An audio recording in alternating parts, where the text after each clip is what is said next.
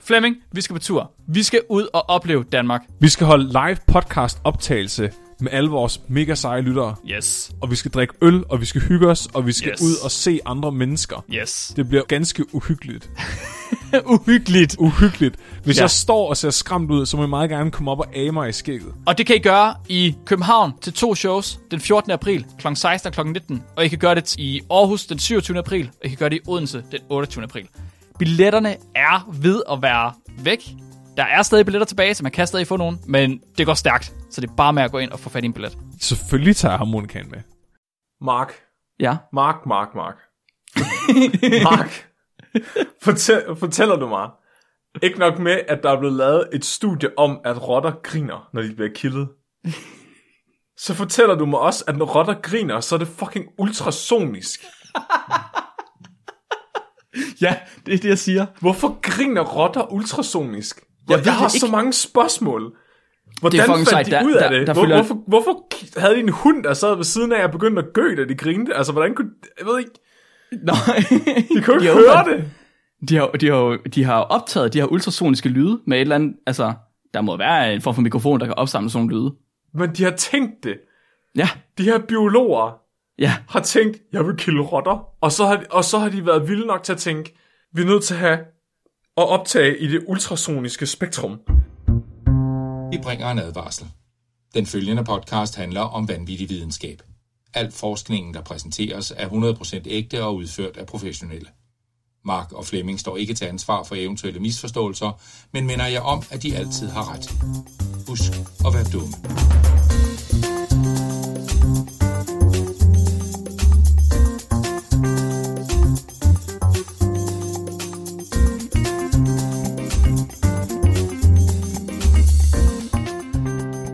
velkommen til Spækbrættet. Din bro til vanvittig videnskab. Jeg er rottefingeren fra Hammel, Mark Lyng, Og jeg er alt godt for rodekassen Flemming. og velkommen til, velkommen, velkommen, velkommen til, til, til efter en hel uge uden Spækbrættet, så er vi tilbage. Ej, det, og det føltes, det føltes så forkert sidste uge. Det, det har gjort decideret ondt. Jeg, jeg gik rundt og spurgte alle på Tåsinge, hvem er jeg? Hvem er jeg? Hvis jeg ikke er spækbrættet vært, hvad er jeg så? Hvad svarede de, Flemming? Hvem er du? Så sagde de, to meters afstand. Bliv bag en rød linje. Tag håndsprit på. Flygt dig, jeg skal have toiletpapir. Vi, vi er tilbage, og vi, kom- vi går, nu går vi hårdt på den. Vi går hårdt til den, Flemming, med mm, fucking godt afsnit. Og selvom, selvom vi er her, og, og der er lidt armejern og lidt, så vi kommer igennem det her. Vi, vi du hjælpes ad. armejern? Nej, du, du har armejern, Flemming. Se, der er den igen. Det, det er et svært tid for tiden. Ej, ved du hvad, jeg har, jeg, har- jeg har fundet ud af noget. Hvad så? Jeg har fundet ud af, at mikrobiologer, de faktisk er bedre forældre end alle andre.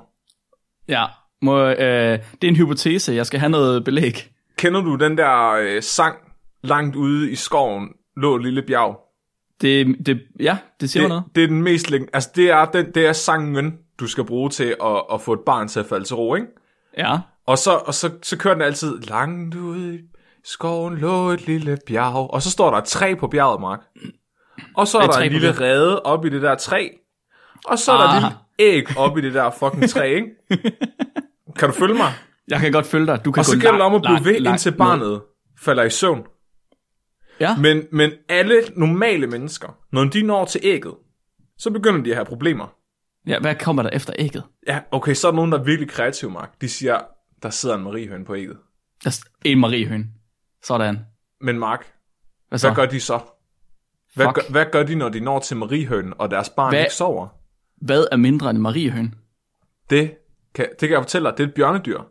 Ah. Aha. Og hvad er mindre end et bjørnedyr? Det er en encellet eukaryot. Hvor er det smukt. Og hvad er mindre end den? Det er en bakterie. Og på overfladen af den, der sidder der en bakteriofag. og på overfladen af den, der sidder der en ligand. Og Jeg på er- den ligand, der sidder der... Jeg, jeg, er- det, jeg er allerede meget, meget sørgelig over, dit, over dit barn, og den opvækst, han skal have, Flemming, det bliver... Jeg kan fortælle dig, at han faldt i søvn ved elementarpartiklerne i går. Det tager lang tid. Hvad, til sidst så går du bare ind i fys- fysikkens lov, og så er der boldspats konstant. Åh, oh, kæft mand, altså, så begynder, jeg, så begynder jeg at blive sådan lidt usikker. Det det er ikke mig, der har dækket alle de der mærkelige artikler her på spækbrættet. Jeg, jeg plejer at holde mig ved dem, der handler om afføring. Og... De er meget nemmere at finde ud af. Ja. Vi skal i gang med dagens afsnit. Og til dagens afsnit, der har vi været vores beskedindbakker igennem på Facebook, på Instagram, på Gmail. Fordi i dag, der er det jeres dag. Altså, lyttere, det er jeres dag. Wow. Vi har kigget jeres indsendte artikler igennem, og så har vi udvalgt et par stykker, der er ganske geniale, men som ikke helt passer ind på et emne sig- sig- i sig selv. I dag, der bliver det sådan et lidt mere traditionelt spækbræt afsnit, back, sådan back to the good old days, hvis man kan sige det. Det bliver ligesom dengang, hvor vi øh, bare tog en artikel med, og så alt, alt, havde noget sjov med det. Ja, ikke? også? Alt mellem himmel og lort. Og så gennemgik en sjov artikel, uden nødvendigvis at have nogle større bagtanker bag det. Ja. Så Flemming, hvad skal du snakke om i dag? Jamen, øh, jeg har fundet en artikel, som er sendt ind af Tøger, øh, en af vores øh, kammerater, Mhm. som handler mm-hmm. om at øh, putte mennesker i suspended animation, altså at gøre dem skindøde. Det er sindssygt. Og så har jeg en anden artikel, øh, sådan en wildcard, der handler om nogle øh, tiskonebakterier. Åh oh, ja, selvfølgelig. Det skal vi have noget af. Det er nødvendigt at snakke om. Det må, er det fordi, du er blevet far, og du tænker, det er du bare blevet mega interesseret i nu? Ja, så har jeg fået sådan lidt øh, dernede, du ved, øh, med ja. Ja. at den, altså efter fødslen, så er, så er jeg ikke lige helt øh, i, i, i min mikrobiom dernede, det er ikke helt i balance. Nej. Så nu- i dag der skal vi lære, hvordan Flemming får sit tissekom-mikrobiom tilbage i balance. Ja, præcis. Det. Det øh, glæder mig meget. Jeg skal snakke om antropomorfiserede rotter, fordi vi har fået sendt flere forskellige artikler ind fra Frederik Bartoldi. Og jeg synes, Bartoldi han fortjener efterhånden snart sit eget segment her på showet. Fordi han- det, det er imponerende, hvis der er nogen, der sender mange artikler ind. Altså for uden Nikolaj selvfølgelig, men nu er Nikolaj jo... Altså, nu er han jo artikelmand. Vi har absorberet ham. Han er, han er, vi, har, vi har spist ham. Han sidder nede i min kælder. ind- inden du citerede ham.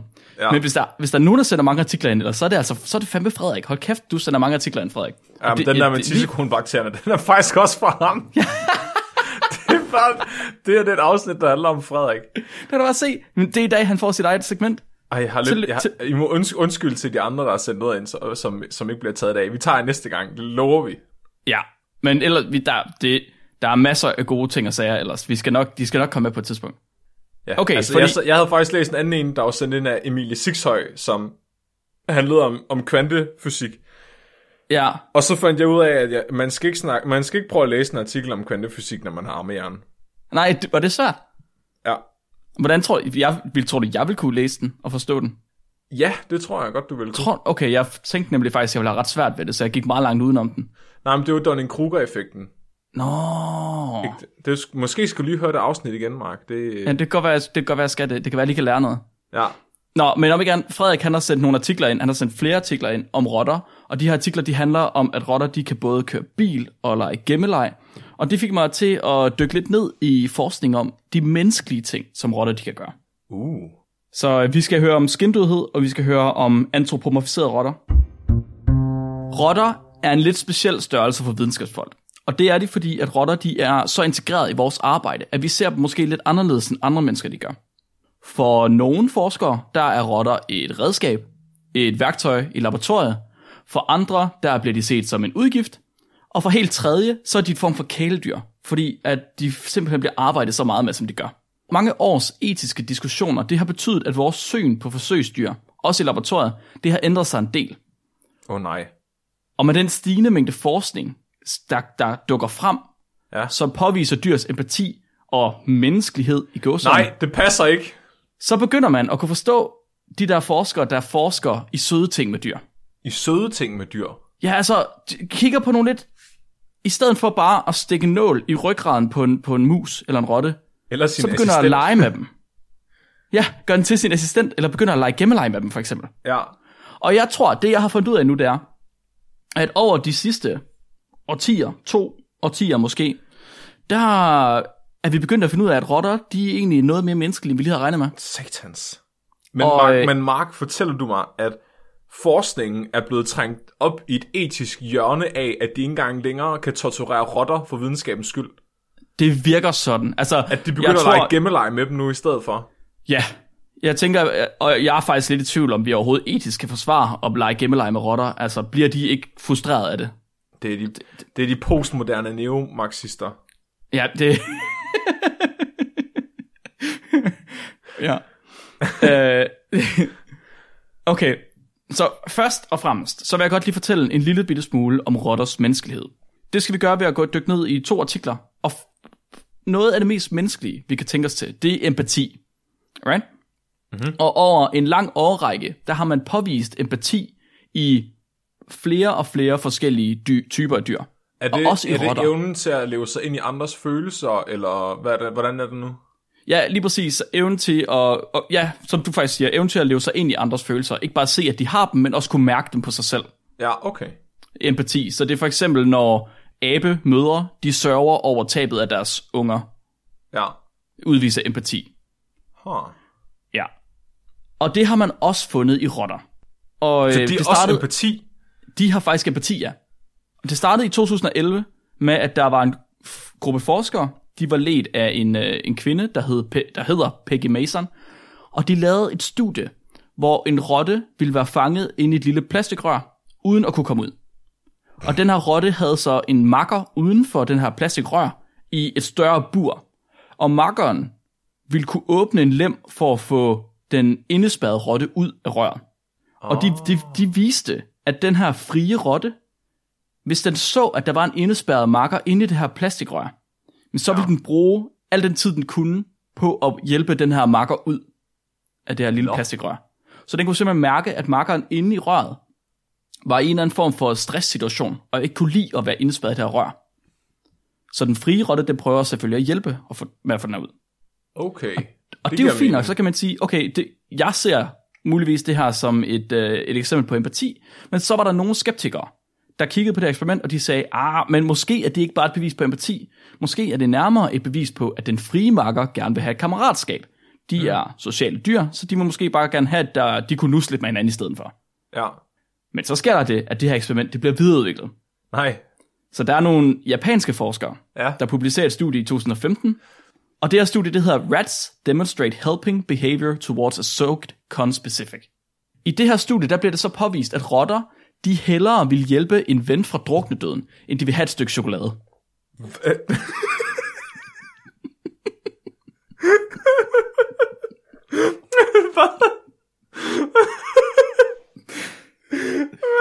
Og det er, jo tyd- det er jo et tydeligt bevis på empati, fordi alle ved, at chokolade det er den største drivkraft i alle dyr nogensinde. Altså, Jeg, jeg, jeg vil bare lige pointere, at halvdelen af de børn, øh, der går i børnehaven på Torsinge, de havde dumpet den test. så det, der siger til mig, det er, at rotter har mere empati end børn på tåsinge. Ja, det, det vil jeg sige. Nej, de har, jeg vil sige, at børn på Torsinge, de har et stærkere overlevelsesinstinkt, end rotter har. Ja. Mm, det er det, det er. Det er det, ja. vi kalder det. Så, har, så har du det bedre med at leve på tåsinger. Ja, Ja. De her fire forskere fra Japan, de har bygget sådan et lille rum, et lille bur med tre forskellige rum. Og i, den e- i den ene side, der var der et rum, der var fyldt med vand, men der var en lille kant, som rotterne de kunne holde ved, så de ikke decideret druknede. Men de skulle træde vand i op mod 5 minutter, for de ligesom blev reddet af forskerne, hvis det var. ja, En ret ubehagelig situation, jeg ved ikke, om du har prøvet at holde... Altså, du har en kant, eller... Det er ligesom i, øhm, i Titanic, hvor... Øh, hvad hedder han? Jack? Ikke den hedder? Din Leonardo DiCaprio. Ja, Leonardo, han, han holder fast i døren, for ikke at, og hvad hedder det, at drukne. Det, det, det, det er del af den situation, filmen de her har jeg rotter, de er aldrig i. set. Hvad siger du? Den, den del af filmen har jeg aldrig set. Jeg har kun set indtil skivet synker. Nå, Så var, der, det så var der risser i DVD'en, så jeg ved ikke, hvad der sker efter det. Ej, satans. Jeg har faktisk aldrig set Titanic, men jeg har set memes, og jeg ved, at der er en kæmpestor dør, som Rose... Rose... Okay. Ah, Jeg ved ikke, hvad de hedder. Som pigen, hun ligger på. Ja. Og den var Og, stor øh, nok. Og den var stor nok til dem begge to, men Leonardo, han skulle hænge ned i vandet. Han var, også, så han, var meget bare, ved jeg. han var bare træt af det hele, mand. Altså. Altså, Præcis. Og det, det, det er den samme situation, de her rotter, de er blevet sat i, i det her rum, helt over til den ene side. Mm. Så var der et rum i midten. Det var et øh, tomt, tørt rum, uden noget som helst i, så der kunne, ro- der kunne en rotte sættes i, uden at der var nogen problemer overhovedet. Og det sidste rum var så på den modsatte side af det her tomme rum, og det rum kunne så fyldes med godbidder, som mm. i det her tilfælde var chokolade. Og de, øh, de tre rum, de blev adskilt fra hinanden med sådan nogle døre, med nogle lemmer, som rotterne de skulle lære at åbne. Og rotterne, de lærte hurtigt at åbne de her døre, for at redde deres makker. ja. Så det, der skete, det var, at man satte en rotte ned i vandet, og lå den kæmpe for sit liv, og for sin overlevelse. Ja. Ja. Og så satte man en rotte over i øh, rummet, det, det, rummet uden noget. Og så i, til at starte med lagde man ikke nogen godbidder i det andet rum. Så rotterne, de så kun makkerne, der ligesom var ved at drukne. Ja. Og så så man, hvor hurtigt lærer de ligesom at åbne den her dør. Og det gjorde de øh, relativt hurtigt. Det blev også påvist. Ikke nok med, at de ligesom lærte at åbne den her, den her lem her, for at kunne redde deres makker, for at kunne få makkeren ud i tørvær, eller op fra poolen. Så blev det også påvist, at rotterne, de skulle altså have en makker i svømmepølen, før de gad åbne døren. Eller- Ellers så var de ligeglade med den der fucking dør. Lige præcis. Så, så, og, og hvis ikke der var en makker, eller hvis der ikke var vand i rummet, så gad hjælperotterne ikke åbne døren. Og det viser jo i virkeligheden, at rotterne de skal se en form for øh, angsttilstand ved en makker, før det er, de gider at åbne døren. Så det er simpelthen en kontrolforsøg for at vise, at rotter ikke bare åbner døre, fordi det har de en eller anden fetish for. Lige præcis, men eller fordi de er blevet trænet til det, fordi de bliver jo trænet til at åbne døren Ja. Nå. af, af de her forskere selvfølgelig. Ja, Ja, ja. ja. Så hvis de bare var trænet til altid at åbne døren, så kunne det jo være, at det er bare fordi, det er det, de kan. Men, Og det er heller ikke fordi, at de bare gerne vil have selskab, fordi hvis de ville det, jamen så når du havde sat en makker ned i, hvad hedder det, vandrummet, uden at der er vand i, så ville de jo stadig åbne døren, men det gad de sgu ikke. Det var de ligeglade med. De kunne fandme kæmpe for, de kunne, de kunne sidde hver for sig, det gad de ikke, det pis. Huh. Så det tog rollerne cirka 8 sessioner, altså 8 gange, hvor de ligesom prøvede efter, for, altså efter hinanden, før alle rotterne, alle de her par, der var, de forstod at åbne døren for at redde deres makker. Der var 10 par i alt. Var der en af dem, der bare skulle igennem det otte gange, før den fattede og redde ja. Ja. den anden på det der vand? Yes, lige præcis, lige præcis. Der var nogen, der glemte det undervejs også. Fordi når man kigger på grafen, så kan man se, at på det ene tidspunkt, der er der tre par, der kan finde ud af det. Næste session, der er der kun to par, der kan finde ud af det. Hold kæft, man. Så der er en af rotterne, der glemmer det undervejs. Men De til er bare sidst så blevet lærer... trætte af hinanden jo. Det må de jo være. Men til sidst så lærer de det alle sammen. Ej, ved du hvad, og... Og- Henning, nu er det anden gang, du ligger dernede og er ved at drukne. Nu, nu, altså, det er natural selection, det der. Altså, Ja, og det, men det er jo en ret syg, sindssyg ting at sige, Flemming, fordi det, det kan man jo godt sige, hvis man ikke selv har prøvet det. Og hvis man ikke selv har prøvet det, så er det også sværere at have en form for empati, right? Eller Hvor? oh. sympati, om ikke andet. For hvis du ikke har prøvet at ligge i den her pool og ved at drukne, hvordan skal du så vide, at det i virkeligheden er så slemt? Nej, nej, nej, jeg har gået i børnehave på Tåsinge. så jeg, har- jeg har, Mark, altså Mark, jeg har ikke... Øh... Men hvad gør man så, hvis der er en person, der ikke har gået i børnehave på Tåsinger, og de skal mærke, hvordan det er at gå i børnehave på Tåsinger? Så tager man dem og putter dem i børnehave på Tåsinge. Præcis. Så de to og byttede rotterne. Oh. Så de rotter, der allerede havde været ved at prøve at drukne, var nu dem, der skulle hjælpe de andre op fra poolen. Ja, ja, ja. Det er top 10 anime betrayals. Præcis, præcis. Henning Guru. How the tables have turned.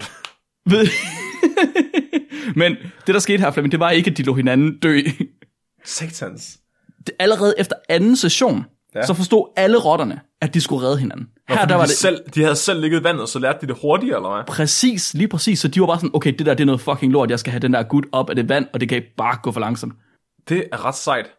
Ja, det er nemlig vildt vanvittigt sejt, så n- det viser jo faktisk, at de har en form for empati, specielt hvis de har oplevet situationen før. Fordi så har de også en forståelse for, at det rent faktisk er en farlig situation. Det vilde er også, at når valget det stod mellem mad og redning, så valgte hjælperotterne stort set altid at redde deres makker, frem for at hente maden. Al- næsten altid. Næsten altid. I 80% af tilfældene, der gik de efter makkeren første gang. Okay. Og, altså, før, altså før de ligesom gik hen efter maden. Ja, Så i de sidste 20% tilfælde, der er det gået hen til maden, har mål- måske taget det, eller måske gået tilbage igen. okay. Og ved du, hvad det vilde er? De har endda, forskerne her, de har endda trænet rotterne på forskellige måder til at åbne dørene. Så nogle af dem, de er jo blevet trænet ved at se, der er en makker nede i poolen. Right? Så har de set, okay, der er en makker, jeg skal prøve at åbne døren her, det ved jeg ikke, hvordan jeg gør, men det lærer jeg undervejs. Ja. Men de andre, de har bare fået vist en dør, hvor der er mad på den anden side.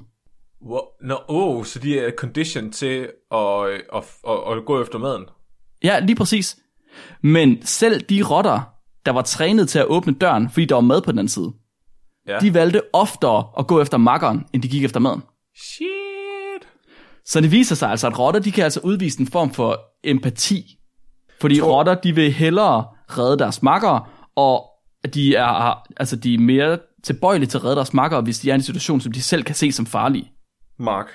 Ja, Mark, Mark, Mark. Nu Flemming, der er kun Flemming, Flemming. en rationel vej at gå med det her forsøg.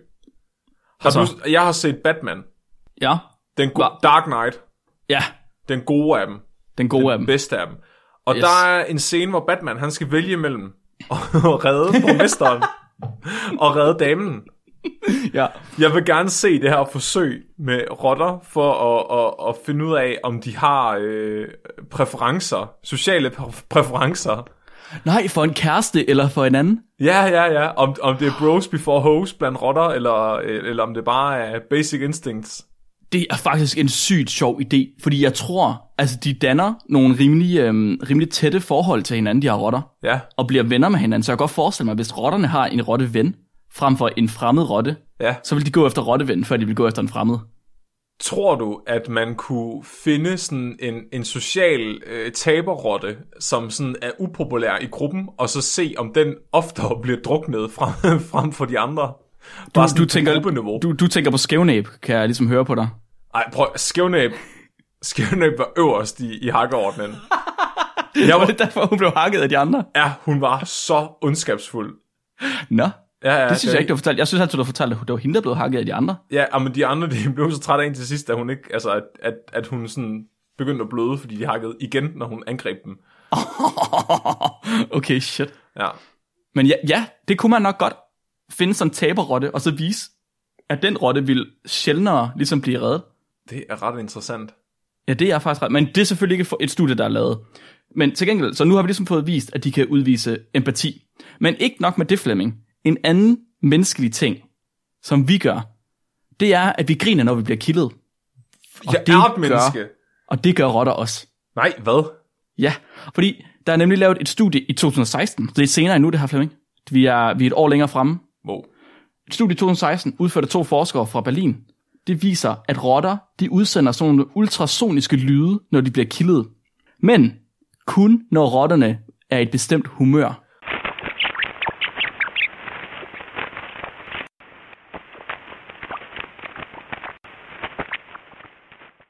Mark. Ja, Mark, Mark, Mark. Mark. Fortæl, fortæller du mig? Ikke nok med, at der er blevet lavet et studie om, at rotter griner, når de bliver kildet. Så fortæller du mig også, at når rotter griner, så er det fucking ultrasonisk. ja det er det, jeg siger. Hvorfor griner rotter ultrasonisk? Jeg, ved jeg har det ikke. så mange spørgsmål. Hvordan fucking fandt sejt. de Der- ud af der- det? der Hvor, følger- hvorfor, hvorfor k- havde de en hund, der sad ved siden af og begyndte at gø, da de grinte? Altså, hvordan kunne... Jeg ved ikke. Nej. De kunne Jo, ikke høre men- det. De har, de, har, jo- de har optaget de her ultrasoniske lyde med et eller andet, altså, der må være en form for mikrofon, der kan opsamle sådan nogle lyde. Men de har tænkt det. Ja, De her biologer ja, har tænkt, jeg vil kilde rotter. Og så har, og så har de været vilde nok til at tænke, vi er nødt til at have at optage i det ultrasoniske spektrum. ja. Jeg, jeg kan ikke se, jeg kan ikke se problem. Altså, det, det er jo 100% logisk. Jeg, jeg synes, altså, selvfølgelig. Selvfølgelig vil øh, de her rotter grine, når de bliver kildet. det kan være, at folk også griner af min joke ultrasonisk. ja, ja. Det derfor, jeg det, ikke der kan sker. høre Det. det er det, der sker. det er så troede, der fucking var sindssygt stille. ud. Det er, så, det er så sindssygt, Flemming, fordi der er en video, der følger med, ikke? hvor man kan se den her forsker øh, ligesom kilder rotten og flytter sin hånd. Og når de flytter sin hånd væk fra rotten, så løber rotten hen til den for at blive kildet igen. Det er sådan, det er sådan en form for belønning for rotterne at blive kildet. Yes. Men hvis de sætter dem op på et sådan pedestal, hvor de ikke rigtig kan stå, de her rotter, altså hvor de ikke kan lide at være, Ja. så hvis du kilder dem, så er der ingen lyd. Nå, Så det kan de ikke lide. fuck af, det er ikke sjovt. Så de, de, det de gjorde her, det- grunden til at de ville se det her, det var fordi de ville se, om der var et form for center i hjernen, der ligesom reagerede, når det var, man blev kildet. Og så selvfølgelig prøve at projektere det over på mennesker. Og det, det, det fandt de faktisk, men, og de så, at det, det fyrede, når det var, at altså det, det, det skød af, når rotterne de blev kildet, når de var glade. Men når de var ængstelige, så, så skete der ingenting, altså. What? Så synes de ikke, det var rart. Så folk, der ikke er kildende, er i virkeligheden bare hele tiden ængstlige. Mm, muligvis, og, og du kender nok også selv, det er jo grund til, at man ikke kan kilde sig selv, og det er grund til, at man kun er kilden i nogle tilfælde. Hmm. Helene og jeg har snakket lidt om det, fordi nogle gange, når man kilder, og hvis man kommer ind i sådan en kildekamp, eller et eller andet, hvis der er, man tumler lidt, eller et eller andet, Ja. så når først man er kommet i gang, så er det ligesom om, at de kilder meget mere, så alting er bare meget værre, når man først er gået i gang. Ja, Right? Fordi det er som om, man er kommet i det mode, i det humør, og så er det sådan alt, hvad man gør, de kilder. altså springer man bare op i luften. Øh, Præcis, ved- altså, præcis. ja, du er også ret kilde, er du ikke det? Ja, Meget, virkelig, virkelig meget. Ja, det er jeg Og- også. Ja, og, og når, det så, når, hun, når hun så begynder, og begynder at kilde mig, og hun så, altså, så- når hun gør det en gang, så kan hun ikke røre mig mere. Så det kan jeg ikke have. Så, skal, så rejser jeg mig op, så er der myre over det hele. Det kan jeg ikke have. Så går du bare. Ja, så går jeg. Du går ned og henter mælk i 15 år. ja, præcis. ja. Men så, Flemming, rotter, Ja. de er, de er mennesker. De er små mini-mennesker, og der er ikke noget at gøre ved det. Der begynder ligesom at tegne sig et billede her, kan du mærke det? Ej, er du klar over, hvor mange jeg slår ihjel ud i mit værksted? Jeg Ah, det, jeg forstår ikke, du kan finde på det. Altså, har min ultimative rottefælde. det kan være, jeg skal lave eksperimentet derude selv. Mm. Bare med ægte, ægte stakes. Altså, det, er Ja. ikke, det er ikke sådan noget fake, jeg redder Nej, nej, dem nej, efter nej, fem nej. minutter. Det skal være ægte Batman. Jeg skal lave ja. Ja. sådan en brintbombe og binde den Ja. rundt om. Ja. Og så skal der op være noget ost, så den- bliver det endnu sådan en tredje dimension af det her. Jeg synes, det er en god idé. Men det, det billede, der ligesom tegner sig her, Flemming, når vi kan se deres biologiske funktioner, det er meget de samme som vores egen. Men, men, kan vi presse dem endnu mere? Kan vi gøre dem helt menneskelige? Kan vi få Flemming. dem til at hårde toiletpapir? Kan, kan vi? Kan vi det? Bliver de, som forudsagt i Hitchhiker's Guide to the Galaxy, vores overlords? Ja. Ja, for rotter, de kan lege gemmeleg. Nej. Nej, En sygt, en sygt kompliceret leg, kun mestret af menneskebørn mellem 2 og 99, Flemming. Menneske fair nok, børn på, mellem 2 og 99. Okay, jeg ved godt, at toårige, de ikke er særlig gode til gemmeleg, men om ikke andet, menneskebørn kan, agtigt. Ja, ja. Og det kan rotter også. Der var en hjerneforsker, der hedder øh, Michael Brecht, eller Michael Brecht, og, og sammen med hans kolleger, så indrettede de i 2019 et 30 kvadratmeter stort rum med pap- og plastikkasser, og designede sådan syv gemmesteder for rotter, og tre gemmesteder for studiets Game Master, der hedder Annika Reinholdt. Så de har altså taget et rum, og så har de sputtet, smidt nogle papkasser ned og nogle plastikkasser, og både plastikkasser, der er øh, altså klare, og også nogle, man ikke kan se igennem. Okay. Og så har de lejet gemmeleg, så hende her Reinholdt, der var game master, hun har skiftet til at være fanger og gemmer sammen med de rotter her. Hvad? Prøv lige. Er hun Prøv Prøv lige. rotte, eller er hun en biolog?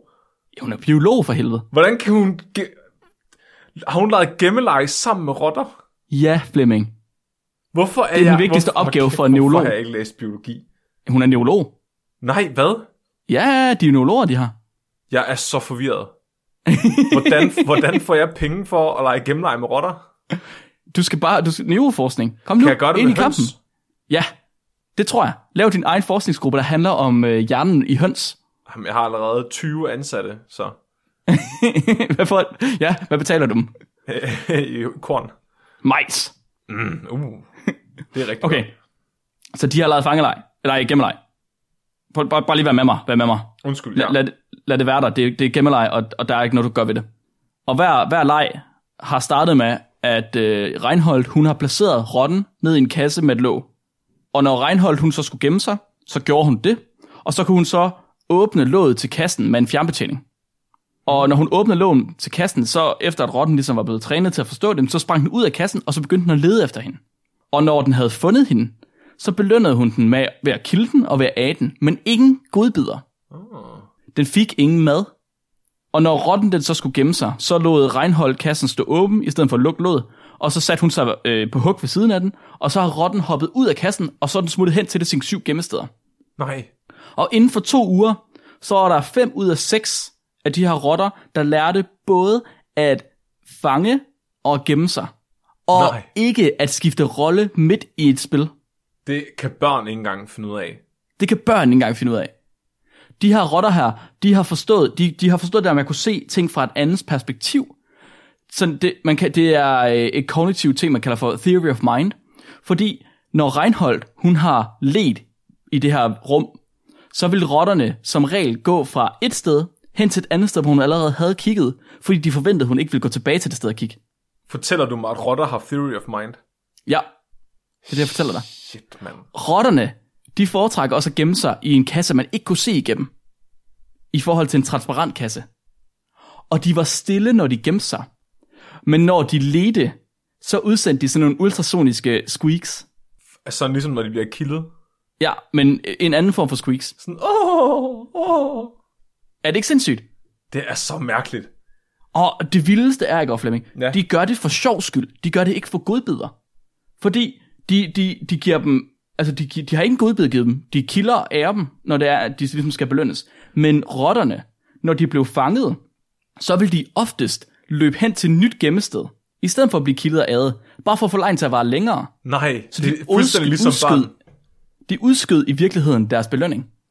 for at få lov til at fortsætte. Yes, lige præcis. Nej. Og de lavede også noget, man kalder for joy jumps, eller freudenspring.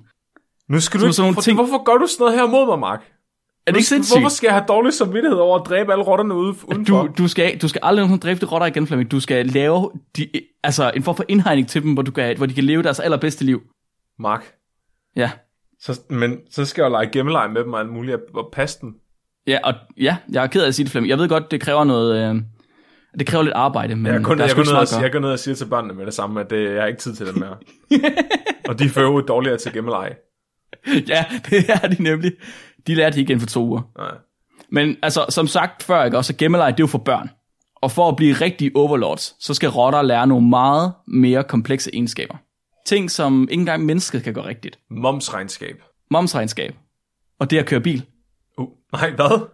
Nej. Og øh, det kan stop, Mark. Stop så. Nu, s- stop. Der var en forskningsgruppe fra Richmond i USA. De udgav en artikel den 27. januar i år, hvor de påviste at have lært rotter at køre bil. Hva- Hvem har finansieret den forskning? Er det, er et fucking godt spørgsmål, jeg der slet ikke bare, tænkt Elon Musk, der bare har sagt, Nej, det er PETA. Det er PETA, fordi de vil, de vil vise, at, ro- at dyr har menneskelige egenskaber. Dyr har også mennesker. ja, det kan godt være, at det er derfor. Jeg tror, det er det. Det er det, jeg har gjort her, ikke? Flemming. De, de her forskere, de har konstrueret en lille bil ud af sådan en plastikbeholder, de brugte til rottemad. Så har de selvfølgelig udstyret den med hjul, men de har også puttet en lille aluminiumsplade i bunden af den her plastikbeholder. Og så har de sat tre koverstænger i. Et til venstre, et i midten og et til højre Ja. af bilen. Ja. Og det var de her tre koverstænger, der fungerede som ret. Fordi når rotten, den stod på aluminiumsgulvet, og så rørte ved en af de her koverstænger med sine poter, så fuldendte den et elektrisk kredsløb, og så satte det gang i en motor, og så sendte det bilen fremad. Så det er sådan Og ved at fire røre- speederpedaler. Øh, ja, 4-3-agtigt. Og ved- det, det er både det og et ret, så ved at røre ved de forskellige koverstænger, venstre, midt eller højre, så fik de bilen til at dreje i forskellige retninger. Ah. Så det er altså ikke engang nok, rotten skal ikke bare gå hen til et sted, den skal i stedet røre ved den rigtige ting, for at få bilen til at køre i en rigtig retning. Ja. 15 rotter i alt lærte at styre den her bil. Og det gjorde de ved, at de blev belønnet med Fruit Loops, det her mormadsprodukt, fra, at når de rørte ved styrpinden, og så fik bilen til at køre fremad. Og så lærte rotterne at navigere et 4 kvadratmeter stort rum med deres lille bil. Det er sindssygt. Og de lærte at køre længere og længere væk ved at forske, de lagde belønninger længere og længere væk. Så kørte rotterne hen til belønningen, gik ud af bilen, åd belønningen, gik tilbage ind i bilen og kørte hen til den næste belønning. Hvis, hvis de lærer at parallelparkere, Ja, så siger jeg op. Fra livet. Så gider jeg ikke mere. Altså, det, så er jeg færdig. kan du parallelparkere? Nej, det kan jeg satme ikke. Nej. jeg undgår det også så vidt muligt. Hold kæft, jeg synes ikke, det er sjovt. Nej, det er derfor, jeg bor på Tåsinge. Det, er- altså, jeg elsker Ja. ja. byen, men jeg skal bare aldrig nogensinde komme ud for at parallelparkere. Nej, jeg kan, godt, jeg kan godt forstå, at du siger det. Det er ikke særlig sjovt. Nej, men ja, det var også, da vi kiggede på hus. Kriteriet ja. var størst mulig indkørsel. Færdig. Der skal være plads til otte biler. ja, og det er der. Det var godt. Så en af forskerne, han øh, gav et citat, og han siger, at øh, de her rotter, de lærte at navigere bilen i unikke, på unikke måder, og gå i gang med styre mønstre, som de aldrig nogensinde havde brugt før, for at komme hen til deres, øh, deres belønning. De har altså simpelthen, de har innoveret de her rotter, de har innoveret på, hvordan de bevæger sig. Jeg, vil- jeg vil ikke... mm, mm. Og de her rotter, de øh, er jo bare, når de har lært at køre, så ja. er Ja. de faktisk blevet mere afslappet. Er det blevet Og det afslappet fandt, af øh, at køre? Det, det fandt forskerne ud af ved at måle på øh, to hormoner, cortico, corticosteron og øh, dehydroepiandrosteron, som åbenbart er to øh, stressmarkører. Så de slapper simpelthen af ved at køre en tur? De slapper, de slapper af både ved at køre en tur, men også ved, at, at de lærer at mestre en ny teknik. For eksempel øh, at køre bil, men også at grave øh, mad ned, der er gemt væk. Lidt ligesom mennesker, at vi, når vi også bliver rigtig, rigtig dygtige til en egenskab eller til en teknik, Ja. så får vi også, øh, altså får, så får vi også en form for stress af, afveksling. Tror du, at rotter har road rage? Ja, det tror jeg. Jeg tror, øh, jeg tænker, så hele min pointe med det her, det er, at rotter, de er tydeligvis også overlords. Ja. Der går 15 år, så kan vi se, hvordan de øh, styrer rumraketter, og hvordan de programmerer på computer. Og så går der 50 år mere, og så er de i et nukleart wasteland, hvor de er godt, godt i gang med Mad Max Rotte Edition. Det lyder som en afsnit af, af Rick and Morty. Det, nå, det tror jeg faktisk måske, det er. Det kan være, det var det, jeg tænkte på. Det lyder som en smuk fremtid. Ja, ikke også? Ja. Det tænker jeg. Så jeg vil bare sige, uh, hail de nye overlords, rotterne. Og så øh, håber jeg, I lærte lidt om rotter, og at I måske vil tænke over det næste gang, inden der I køber ind i de der rottefælder, der slår dem ihjel. Tak for det. Det var virkelig, virkelig spændende. Det var for mm. vildt. Det er godt nok vildt. Det er ret vildt, og jeg tror, vi skal lige sige tak til Frederik. Tak til, for, øh, for artiklerne. Det var ja. altså, sindssygt, sindssygt fed historie. Helt sikkert. Tror du, at rotter fra Sydeuropa har mere road rage end rotter fra Skandinavien? Ja, ja. Tror du, tror du rotter, de, de lærer at have deres road rage, alt efter hvor de lærer at køre bil hen. Ja, det tror jeg. Så at de bliver, øhm, de bliver conditioned, altså når de kører i Sydeuropa, så lærer de at lave frelskerparkering. En fransk hvor man- parkering, hvad er det? Jamen det er den, hvor man, hvor man kører fronten ind i, altså når man skal lave en parallelparkering, kører man fronten ind i en forreste bil, og så bakker man ind i en anden bil, og så kører man ind i den forreste bil igen. Og så er man parkeret. Det er en fransk parkering. En frelskerparkering. Baguette. Ja, t- ja, det tror jeg. Jeg kunne godt forestille mig, at- at alt efter hvor rotter de lærer at køre bil hen, så er det den form for road rage, de får. Ja. Mm. Det er Jeg overbevist tror om. også. Og jeg er ret sikker på, at man kan se det helt ned på lokale ændringer. Så altså, hvis du sætter en rotte til at køre bil i Jylland frem for øh, på Sjælland, altså, ja. så den rotte, der lærer at køre bil i Jylland, den har en tendens til at køre 15 km over øh, fartgrænsen. Det tror du alligevel. Ja, den overhaler tre biler på en gang. Mindst. Det tror jeg sgu. Uden nødsporet. Mindst. Ja, ja. Heller Fuck, en det er mark. pis. Fuck, det er pis. Jeg skal hjem 5 minutter før jer. Ja. Hvor er den Sådan er det. golfvogn? Jamen, det tror jeg sgu. Det tror jeg fandme. Det tror du er ret i. Det er studie. 2021, siger du bare. Ja, jeg glæder mig til at se de næste studier, der kommer frem, for vi kan jo se, at det er en kronologisk udvikling. Det kommer over tid. De finder bare ud af mere og mere. Ja, lige præcis. Nå, Jeg er men- øh, også lidt spændt på at se, hvilke andre dyr, der bliver fundet ud af de menneskelige. Ej, nu stopper det, Mark. der, jeg synes, det er slemt nok, at jeg skal dele pladsen med rotter. Altså, mm. det... Jeg, jeg tror ikke, jeg kan... Jo, Undskyld. jeg vil gerne se dem med høns. Ja, det tænkte jeg næsten nok. Men det er ikke... Det er ikke af personlige årsager. Men jeg kunne ikke forestille mig at se en høne lære at køre bil. Det må jeg sgu indrømme. Åh, kæft, man, var det en udfordring. Ja, gør det, gør det. Man skal ikke... Du, det, du ved, det der med, at man aldrig skal sige til nogen, at der er et eller andet, de ikke kan gøre, fordi så gør de det.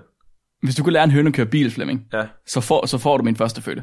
Hvad, hvad, når du siger bil, Mark, Ja, hvad mener du så med bil? jeg mener... Nej, vil du foreslå først, så kan jeg sige, om jeg er enig. Et motoriseret fartøj med fire hjul. Så vil jeg tilføje, at hønen skal selv kunne styre både venstre og højre. Satans. Aftale. Ja.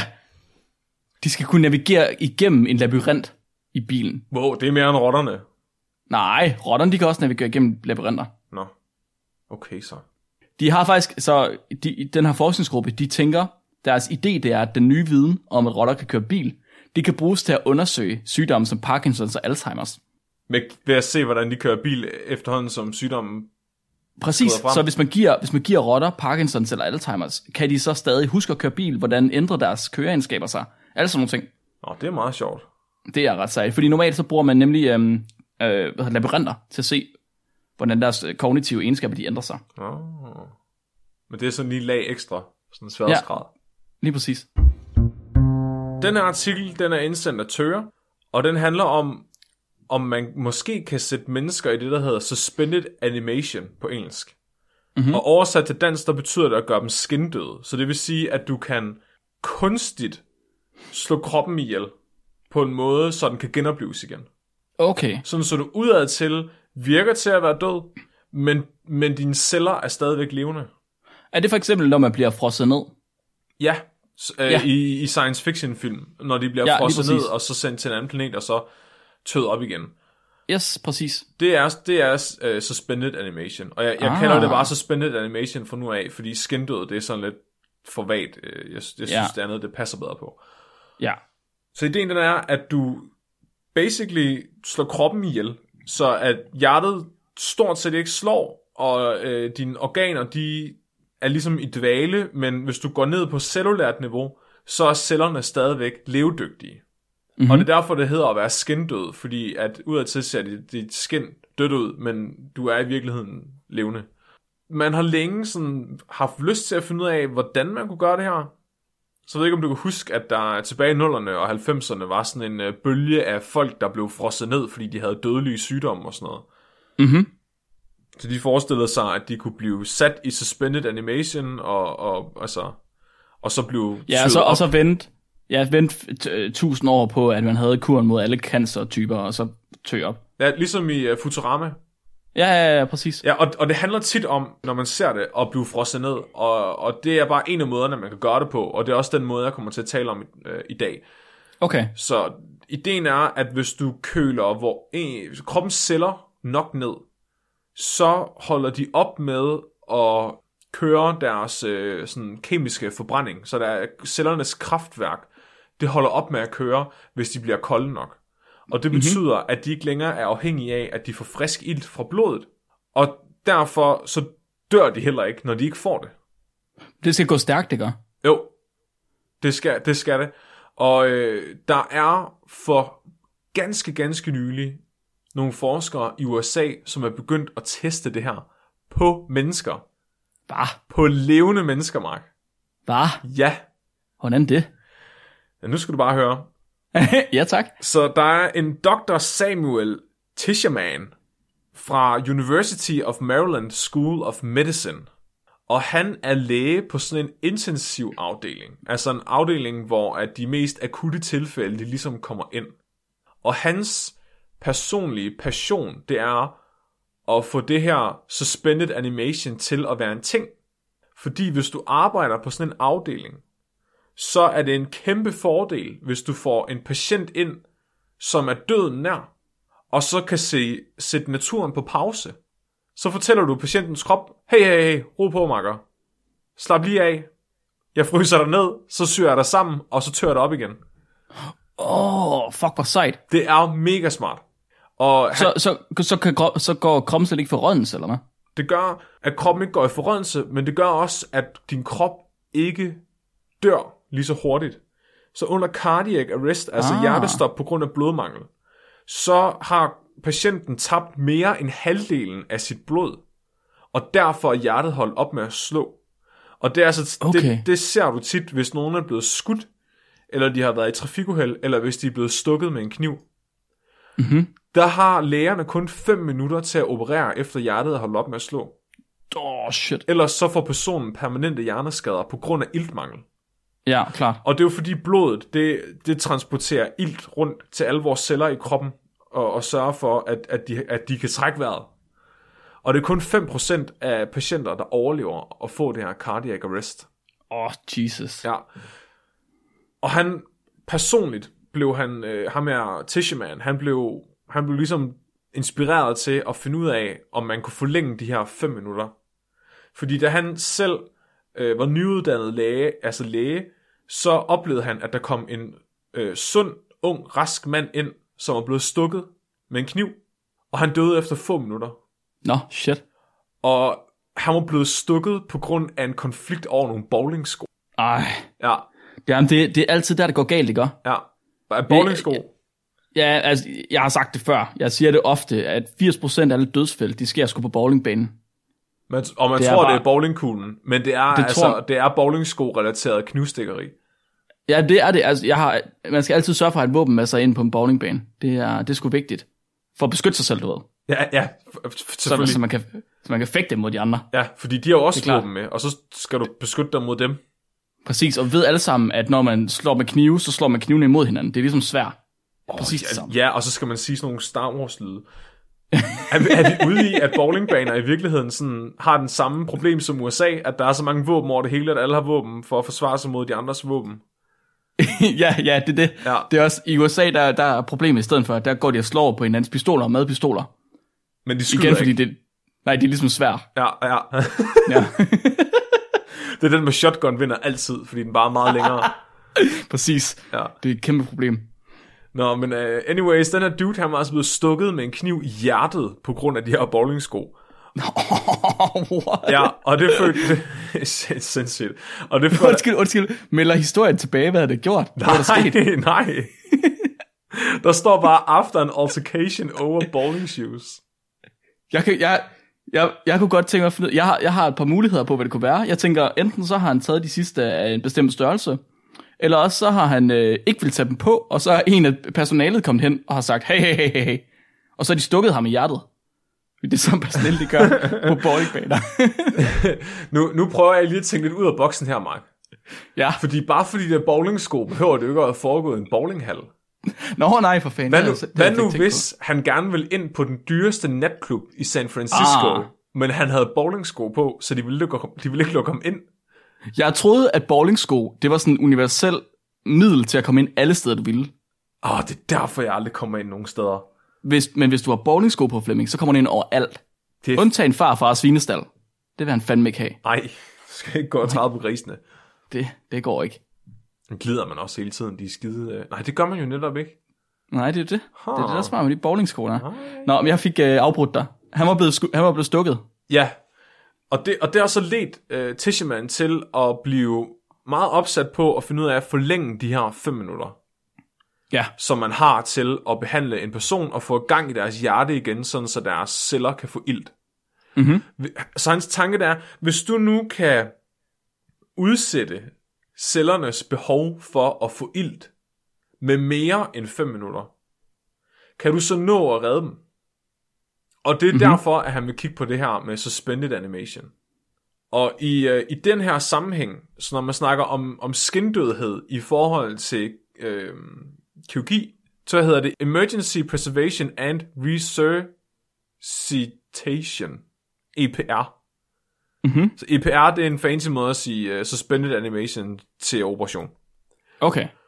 Og han har, han har snakket om, at han mener, at det er det, der er svaret. Fordi man ved allerede, at øh, i grise for eksempel, der kan man køle, gri- hvis man køler grises kroppe ned rigtig hurtigt, efter at de har fået øh, et akut traume, så kan du operere i dem i op til 3 timer, Hold da kæft. og så live dem op igen. Det lyder vanvittigt. Ja, jeg, jeg tænker også sådan, hvornår er der nogen, der har givet en gris et akut traume for, for at gøre det her?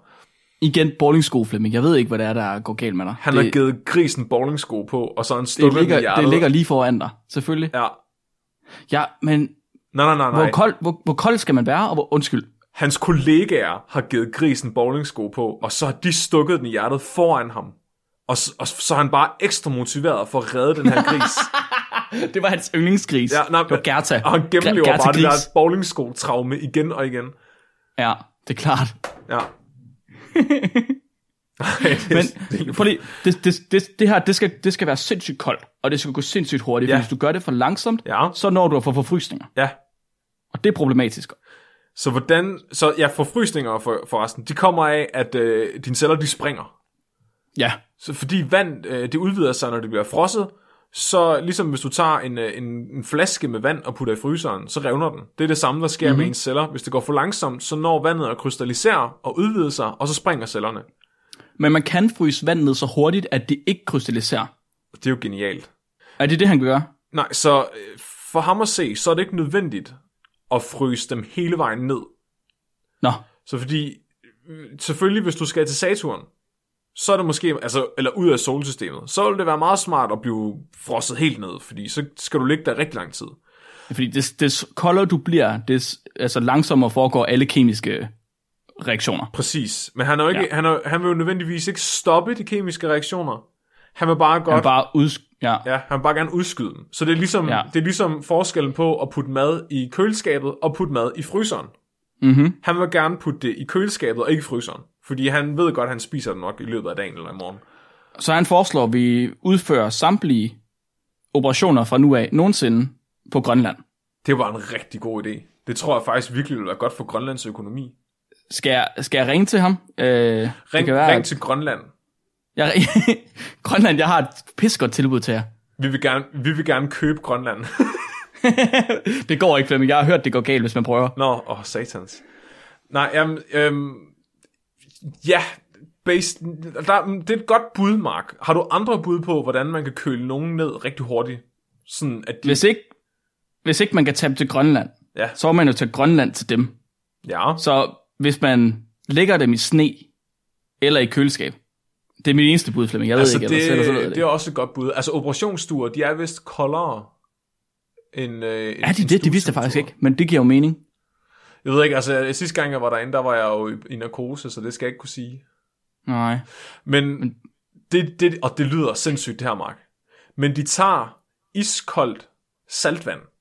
Altså som i iskoldt. Det er, det her saltvand, det er 0 grader. og så pumper de det ind i patienten i stedet for deres blod. Wow, nej, stop. Jo. Wow. Og, og man tænker først, hvordan kan de overleve det? Men du, der er man jo så nødt til at tænke, at blodet har ikke nogen funktion. Så når det ikke transporterer ilt rundt i kroppen, så, så dets mest vitale funktion er jo ikke gældende. Nej. Så derfor kan de jo i teorien godt overleve ikke at have blodet i den her periode. Var det vildt? Fordi cellerne, kroppen holder ligesom vejret. Men også, hvor meget, hvor meget pumper de ind i dem? Du siger, det pumper det ind i dem. Ja, de, de Fordi du, du erstatter, får jo salvandsdrop. de erstatter Samtidig. alt blod, altså de erstatter patientens Alt? alt. blod med is, iskoldt salvand. Ja. Åh, oh, Jesus. Er, er det ikke vildt? Fordi man er, man, jo, fordi man har jo hørt om salvandsdrop. Ja, ja. Og det, det giver jo mening, men det er jo meget, meget lidt. Altså, i forhold til hele blodet. Mm-hmm. Men, men det her, alt, det er jo sindssygt. Så, ja. Og, og, de, Det, hvad kan, og det bliver så hooket op på sådan et kølingssystem. Sådan så ligesom når man kommer i dialyse, og ens blod kommer ud i en maskine og bliver renset, så her der kommer isvandet ud i, i en køler og kommer ind i din krop igen, sådan så den bliver ved med at være kold. Altså fandme det, smukt. det er ligesom når man brygger øl. Ja. ja. Ja, ja, ja.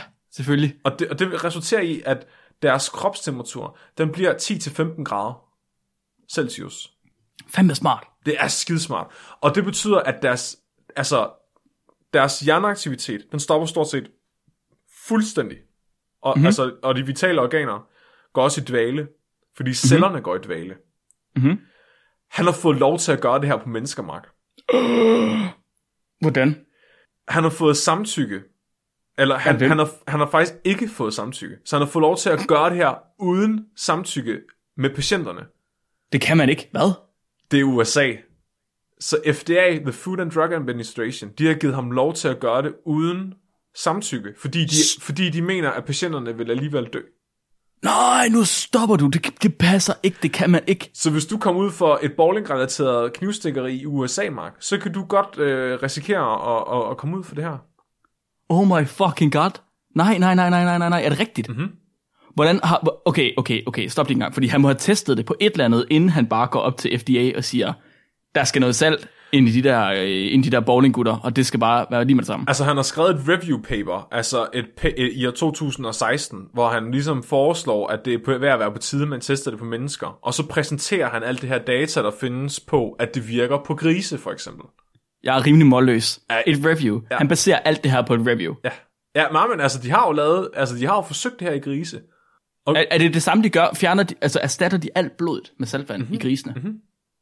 Og det virker. Ja, det er det her, det er det her E EPR-metoden. Hvordan, hvordan tester man? Hvordan, så de her grise her, Ja. hvordan vurderer man, om de har nogle kognitive fejl bagefter? Man leger gemmeleje med dem. man, får dem til, at- man får dem til at køre en bil. Du kan jo for helvede ikke, du kan jo ikke, ligesom når du laver hjernekirurgi, du kan jo ikke få en gris til at spille guitar samtidig. Det er rigtigt. Eller bagefter, om ikke om, om noget. Altså, Det, øj, det er man, et godt man ved jo spørgsmål. ikke, hvad, hvad, hvad, nu, hvad nu, hvis en person, der kommer ud for det her, bliver en grøntsag bagefter, fordi at deres hjerne ikke fungerer, og så må de bare leve med det, og alle de udgifter, der kommer med det. Det, ja, ja, men altså, øh, det er helt rigtigt. Altså, men hvis alternativet var, at de var døde, Jeg er ikke sikker på, om det, der er nogen mennesker, der lever som invalide, ja. Ja. som synes, at, altså, som selv mener, det er en værre straf end døden. ja, det er selvfølgelig rigtigt. Så jeg tænker, hvis man bliver en grøntsag, der vidderligt intet kan ud over savle, Det finder vi så ud er af. jeg sgu ikke og betale regninger, så er jeg sgu ikke... Ja, det er rigtigt.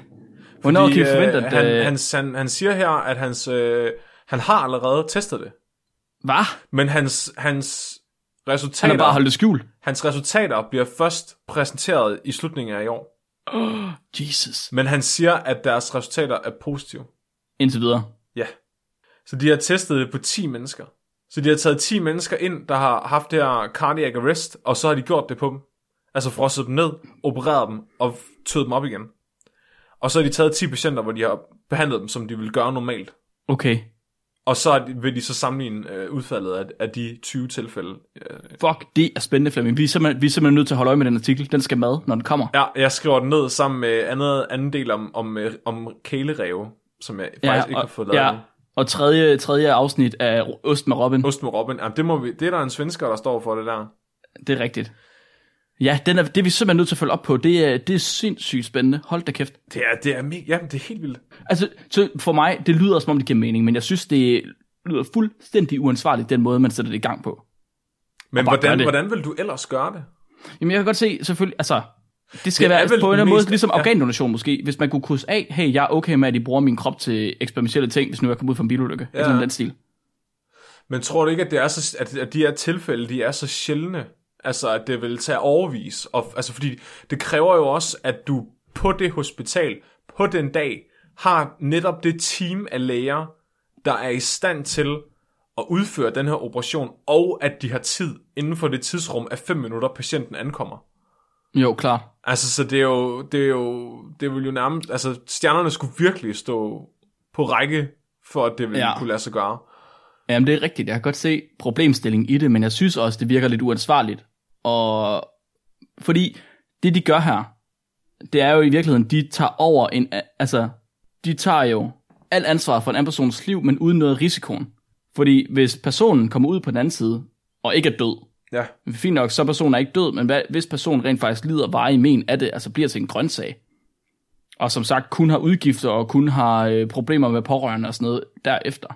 Men Det tænker jeg ikke, de lærer, de skal lide af overhovedet, udover deres samvittighed selvfølgelig. Altså, det har faktisk gjort én ting, øh, lægerne her. Så Hvad så? de, de, øh, de har trykt en annonce i avisen, den lokale avis, og så har de slagt et link til en hjemmeside, man kan gå ind på, og så kan man skrive sig på en liste over folk, der ikke har lyst til at blive behandlet med den her metode, hvis de skulle komme ud for det. Nej, over ikke at have lyst til det. Ja. Ja, så du kan frasige dig øh, behandlingen. Prøv at høre her, prøv at høre, hvor er det sindssygt. Det har de ikke engang med organdonation. Men det har de med den her saltvandsteknik, ja. som ikke engang er godkendt endnu. Ja. Ej, jeg bliver, det er vanvittigt. Jamen, jeg elsker USA. Ja. Jeg, elsker, jeg elsker USA. Jeg er meget, meget spændt på, hvad det her det bliver til, når det, altså, hold nu kæft. Men de, de, snak, de snakker så også om, eller han snakker sig selv om, at det her, det er jo så et tidsrum på to timer, at de vil få, frem for de fem Okay. okay. minutter. Og det, s- altså, det kunne sikkert være længere tid end det, men jo længere tid man er øh, kølet ned, des mere skade tager ens celler, når man bliver tødt op igen. Og det hedder, Hvordan det? det hedder reperfusion injuries. Og man, Okay. okay. man ved ikke, hvorfor. Altså, så man ved, det er nogle kemiske reaktioner, der foregår inde i cellerne, som skader dem. Så det må være en eller anden form for kemi, der forløber selv ved lav temperatur Ja. inde i cellen, og, og, og produktet af den kemiske reaktion, men det skader så cellen indenfra. Og, og det er jo, s- ja, og jo længere tid, at de er, er kølet ned, jamen det, det større er de her skader. Men man ved, mm. man ved simpelthen ikke, hvad det er. Det er ret specielt, var. Ja, han, Og han, gem- han øh, postulerer, at øh, man vil kunne lave i fremtiden en sammensætning af medicamenter, som så minimerer skaderne ved, ved at, at være frosset ned, sådan så at man, Ja. ja. man modarbejder de her kemiske reaktioner ved at give dem noget medicin, der inhiberer det måske. Klart, men det kræver jo så, at man ligesom ved, hvad det er for nogle kemiske reaktioner, selvfølgelig. Ja, Og jeg tænker også, skal vide, om man, fordi alle kemiske reaktioner stopper jo alt efter, hvor kold man ligesom er. Så ved det absolutte nulpunkt, der er der jo ikke noget fysik eller kemi, der fungerer længere nej. overhovedet. Nej, fordi jeg selv, tænker- tænker... selv i ens fryser, der kan tingene begynde at rådne, ikke? Jo, jo, præcis. Så, men jeg tænker lidt om, hvis man ligesom fryser ned til minus 80 eller whatever, og man så når ned på et punkt, hvor det er, at de kemiske reaktioner ikke længere fungerer, så om det er et problem i hans hvad hedder det, operationer, men ikke måske et problem, når man bliver frosset ned i fremtiden, oh. eller whatever. Ja, det er en god pointe, hvis man nu kunne komme helt ned på, på, ab- på det absolute nulpunkt, ligesom Bjørn Dyr. Ja, præcis. Ja, det er ret Og interessant. om det så, så er det, i vir- at det så i virkeligheden ikke er et problem dernede. Men jeg tænker måske allerede ved minus 20 eller minus 80 grader, at det måske ikke er et problem der. Mark, vil du virkelig gerne være med i Futurama? Jeg er ikke sikker på, at jeg har lyst til at få byttet mit blod med saltvand. du Er det okay? Jeg ved ikke. Jeg tror også, at det vil blive et problem med dig, fordi alko- altså alkoholprocenten den er så høj, og alkohol har jo en, en, en, en lavere frysning. Nej, det er jo en god ting. Ja, præcis, det er jo en god ting, så mit vand det fryser jo. Øh, hvad hedder det? Ved lavere temperatur. Nå, så du vil faktisk måske være en af de der freaks, der kunne overleve og blive frosset ned øh, ved et uheld. Muligvis, ja. Ja, fordi det har jeg nemlig også skrevet ned her. Øh, der er nogle tilfælde af, af suspended animation, altså fra naturens side. Altså, så der er selvfølgelig rigtig mange dyr, ah, der, kan, nå, ja. der kan tåle at blive frosset ned. Der er nogle fisk, der kan tåle at, at, at være i en frossen sø, og så tø op igen, og, og frøer ja. Ja. og så videre. Der er faktisk rigtig mange dyr, der kan tåle det her. Men der har været tilfælde af mennesker, som er blevet kølet rigtig meget ned, og som har overlevet det. Så der er, Det er ala, ala hulemanden, der ligesom er frosset ned i indlandsisen, som man så har gravet ud bagefter. Nej, nej, nej, nej. Så, men men det, er ret, det er ret vildt alligevel. Så i Japan i år 2006, der var der en mand, som var besvimet øh, op i nogle bjerge, og han havde ligget i 24 dage bevidstløs, uden mad og drikke. Og da de, da de fandt ham, var han stadigvæk i live, og så kunne de, så kunne wow. de varme ham op, og så, så var han levende. Jesus. Uden varig men. Det lyder fandme mærkeligt. Det er det samme, der var en 14-årig dreng, som overlevede at være under isen i en frossen sø i 15 minutter. Wow. Ja. Så hans krop, den er blevet kølet så hurtigt ned, at han ikke At har den nået ikke at har få behov de for der ild. hjerneskader. Ja. Og der er rigtig mange af de her historier. Så der er alligevel måske noget Mm. af sådan anekdote bevismateriale, som, som kunne tyde på, at det vil fungere, det her øh, Tisherman, han har gang i. Det er fandme også. Det er altså også øh, en rimelig vild bevisbyrde at lægge på et par anekdoter. Ja, ja, ja, totalt. Det jeg, synes jeg, jeg, jeg, jeg, jeg er så meget for det. Jeg elsker, når, når forskere de får lov til at gøre mm-hmm. Mhm. sådan noget. jeg er mega spændt på at se, hvor det ligesom fører hen af. Ja. Det må jeg skulle sige. Og hvad der kommer ud af det. Og meget spændt på at se, hvad hans resultat det siger her sidst på året. Jeg, tror, det, jeg tror, det er overraskende positivt. Måske, måske. Det kunne være meget sejt, hvis det ligesom var måden, som vi kom ud over folk, der døde af trafikuheld eller knivstik på bowlinghaller, i bowlinghaller. Huh. Ja. Prøv at tænke på alle de dødsfald, vi kunne, øh, vi kunne afværge. Bowling-relateret dødsfald. Præcis. Det kunne være ret Det er, smukt. det er en smuk fremtid. Jeg vil sige, det er en lys fremtid. Ja. Det må jeg også sige. Ja. Flemming, Mark. skal vi tage et lytterspørgsmål? Ja, jeg tror, øh, de der tiskombakterier, Ja, Der er ikke så meget til det. Altså, det er en 17 sider lang videnskabelig artikel, som hedder Vaginal Microbiome Transplantation in Women with Intractable Bacterial Vaginosis. Mm-hmm. Og det er egentlig en super interessant artikel, hvis man er mikrobiolog. Fordi Ja. der står rigtig meget i dybden om, øh, hvad for nogle bakterier, der lever nede i tissekonen og sådan noget, og hvor, hvad for nogle af dem, der er sygdomsfremkaldende og sådan noget. ja. Men det, der egentlig er hovedpointen, og det, der måske er interessant for folk, der ikke er lige så skadede som os, det er, at øh, ligesom man kan tage øh, og fjerne tarmbakterierne fra et sygt menneske, og så give det tarmbakterierne for et rask menneske, og så se, at, at nogle sygdomme kan kureres. Altså sådan kroniske tarminfektioner for eksempel. Mm-hmm. Så kan man også se, at der er nogle kroniske infektioner i underlivet hos kvinder, der kan kureres ved at fjerne bakterierne med antibiotika fra underlivet hos en kvinde, og så give hende øh, underlivsbakterier fra en anden kvinde. Det er altså smart. Så øh, lesbiske kvinder, der laver saksen, de er i virkeligheden, altså, de har et sindssygt godt immunforsvar. Det er lidt ligesom, når man siger, at det er rigtig sundt for folk at kysse. Fordi når man kysser, så deler man øh, immunsystem og øh, bakterier. Så må- Ja. måske, måske er, er den nye udgave af at kysse og prutte hinanden i numsen. Ja, Bare lige, Ja. ja. bare lige en enkelt lille bare, lille, lille pust. Og selvfølgelig, hvis man så er et homoseksuelt kvindepar, jamen, så er det bare en lille fisbrud. Tak for det, Mark. Jørgen Ørting har ingenting med dig. Ja, please, Jeg jeg, er jeg, så jeg, jeg vil gerne se open-minded. dig være vært for lægens bord. Altså sådan, Det skal gås væk. Ja. så skulle du have sådan nogle hånddukker, du kan sidde og illustrere dine pointer med. Det synes jeg er en god idé. Ja. Ja, Det burde vi have. ja. Okay, er vi klar på lytterspørgsmål nu? Ja, kom med det. Okay, super. Så vi har fået et lytterspørgsmål ind fra Rose. Rose, hun har øh, et meget, meget, meget vigtigt spørgsmål. Og det har intet at gøre med det, vi har snakket om indtil videre, så det er perfekt det Passer ind i dagens tema, ja. Præcis. Rose, hun spørger, er større ild varmere per volumenenhed? Så for eksempel er 1 kvadrat, øh, kubikcentimeter brændende hus varmere end 1 kubikcentimeter bål, og er 1 kubikcentimeter bål så varmere end 1 kubikcentimeter sterinlysild. Øh, Rose, hun forklarer lidt yderligere. Hun øh, siger, at øh, hun er godt klar over, at varme det er godt nok en intensiv størrelse, men kun inden for det samme system. Så forbrænding af forskellige ting påvirker måske varmen forskelligt. Så måske, hvis man havde en pind, der brændte, et bål, der brændte, og så et hus, der brændte, så brænder de måske alle sammen lige varmt, og det virker bare counterintuitive. Det er hun ikke helt med på. Måske på grund af varmestråling og sådan noget. Og så slutter hun af med, at hun tror, hun har besvaret sit eget spørgsmål, med mindre at vi har nogle tanker omkring det. Okay, Mark. Ja, Forestil dig, at du skal brænde en heks med et stringlys. jeg, er, jeg har, det er det eneste, jeg forestiller mig hele tiden hver eneste dag. Det, det, det tager lang tid. Jeg gør det. Men hvis du nu har et bål, ja. og så tager en, string, en stringlysstørrelse ild ud af bålet, Ja, ja. vil det så tage lige så lang tid at brænde heksen som med stringlyset? ja. Hvis man tager et sterillys størrelse, sterillys ud af bålen, er det så ikke et sterillys? Mark, det er det, der er spørgsmålet. Jeg har en idé. Jeg tror, Ja, ild er absolut. ild er... Så uanset, så hvis du tager en kubikmeter ild ud af noget som helst, uanset hvad det er, Ja. ja. så er det en kubikmeter ild. Ild er ligeglad med, hvad det er, du tager det ud af. Det er bare ild. Ild er fandme ligeglad med, om det er din svigermor, der brænder, eller om det er din bedstemors hus. Ej, hold kæft. Det er ild.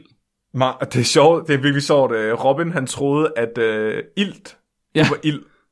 Ja, Så han var så forvirret det første år af universitetet, fordi der var, vi havde sådan nogle forelæsninger med en biolog, der snakkede virkelig meget om fisk hele tiden. Uanset hvad han fortalte om, så kom man til at snakke om fisk. Og så begyndte han at Nå. snakke om, at de havde ild i gælderne. Og de giver fik ingen mening. iltet blodet. Og så troede Robin, at de, han kunne ikke forstå det, fordi så fik de jo ild. Det var jo fisk. det kan ingen det er jo, mening. de kan ikke brænde, de er jo våde. Ja. Jeg har godt se, jeg har godt se Roses problem med det spørgsmål her. Jeg, jeg er også selv lidt forvirret, fordi hun har jo ret. Når man står ved et hus, så skal man jo ikke særlig tæt på, før det er virkelig, virkelig varmt, i forhold til et sterinlys. Men er det så, hvis du... Fordi jeg tænker, at ild, altså, flammen er jo varmere nogle steder end andre steder, ligesom på en bundselbrænder. Mm, mm-hmm. Så, så, det, så ideen er vel, at du tager al, alle flammerne, og så blander du dem ligesom til sådan en homogen flamme, ensformig flamme, og så tager du et stykke ud af den. Og så er spørgsmålet, om det stykke vil være lige så varmt som på noget, der er mindre. Og kan vide, om rationen af forskellige flammer er den samme, uanset hvad for en form for bål du har. Fuck, jeg er så forvirret. Jeg tror, Det er virkelig, ret- jeg, det- jeg, jeg tror stor ild, stor varme, Mark.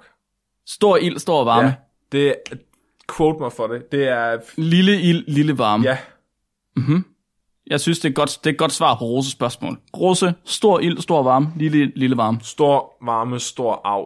Tusind tak for de spørgsmål. Og jeg tror, med det, så vil vi gerne sige tusind, tusind tak, fordi I lyttede med til vores øh, lytterartikel afsnit i dag. Tusind tak for det. Sig tak, Flemming. Tak. Jeg glemte lige at være taknemmelig. Næste, det er i orden. Jeg blev Næste uges jeg, Jeg er afsnit. distraheret, fordi mikrofonen den står oven på den der sofapude, jeg har med os på. Nå, så- nej, ja. Ja, så jeg sad lidt og kiggede på, på mig selv. Nå, nå på dig selv. Ja, jo, mikrofonen jeg troede, står, du brugte det, det, er, som fordi dit webcam. ansigt er midt på puden, Mark, så der, mikrofonen står oven på dig. Nå, jeg kan godt se det. Du er garanteret også typen, hvis du havde Skype, eller havde dit webcam på Skype, så ville du kigge på dit eget billede, i stedet for den person, du snakkede med. Ja. ja jeg, sidder, jeg sidder også med en kop med mig selv på. Åh, oh, wow. Wow, hvor meget merch har du med dig selv på? Det hele. Næste uges afsnit, fordi som sagt, nu kommer vi stærkt tilbage. Så næste uges afsnit, den 7. april, der skal det handle om lykke. Eller nærmere sagt, menneskets jagt efter lykke. Det er jo bare mig. Jeg er lige her. Ja, præcis, Flemming. Så det er en hel artikel i sig selv. Der var tre kvarters, øh, tre kvarter at snakke om i Flemming. Ja, Det skal I glæde til. mange tak, fordi at I bliver ved med at sende spørgsmål og artikler ind. Vi øh, er godt nok rimelig inkompetente i forhold til at svare på spørgsmålene, men vi skal nok give det et meget inkompetent forsøg. Yes, det kan vi. Og vi øh, elsker også jeres artikler. Det er rart at få, øh, få nogle frisk... Altså, at vi er flere øjne derude, som, som ligesom opfanger alle de her ting, fordi ellers så, er der, så går det hurtigt under radaren. Så tak for det, ja. Ja. og hvis I har noget, I gerne vil sende ind til os, så kan I sende det til vores øh, mail, som er spækbrættersnabelag.gmail.com Mhm. mm-hmm. Eller I kan sende det på vores øh, Facebook-profil.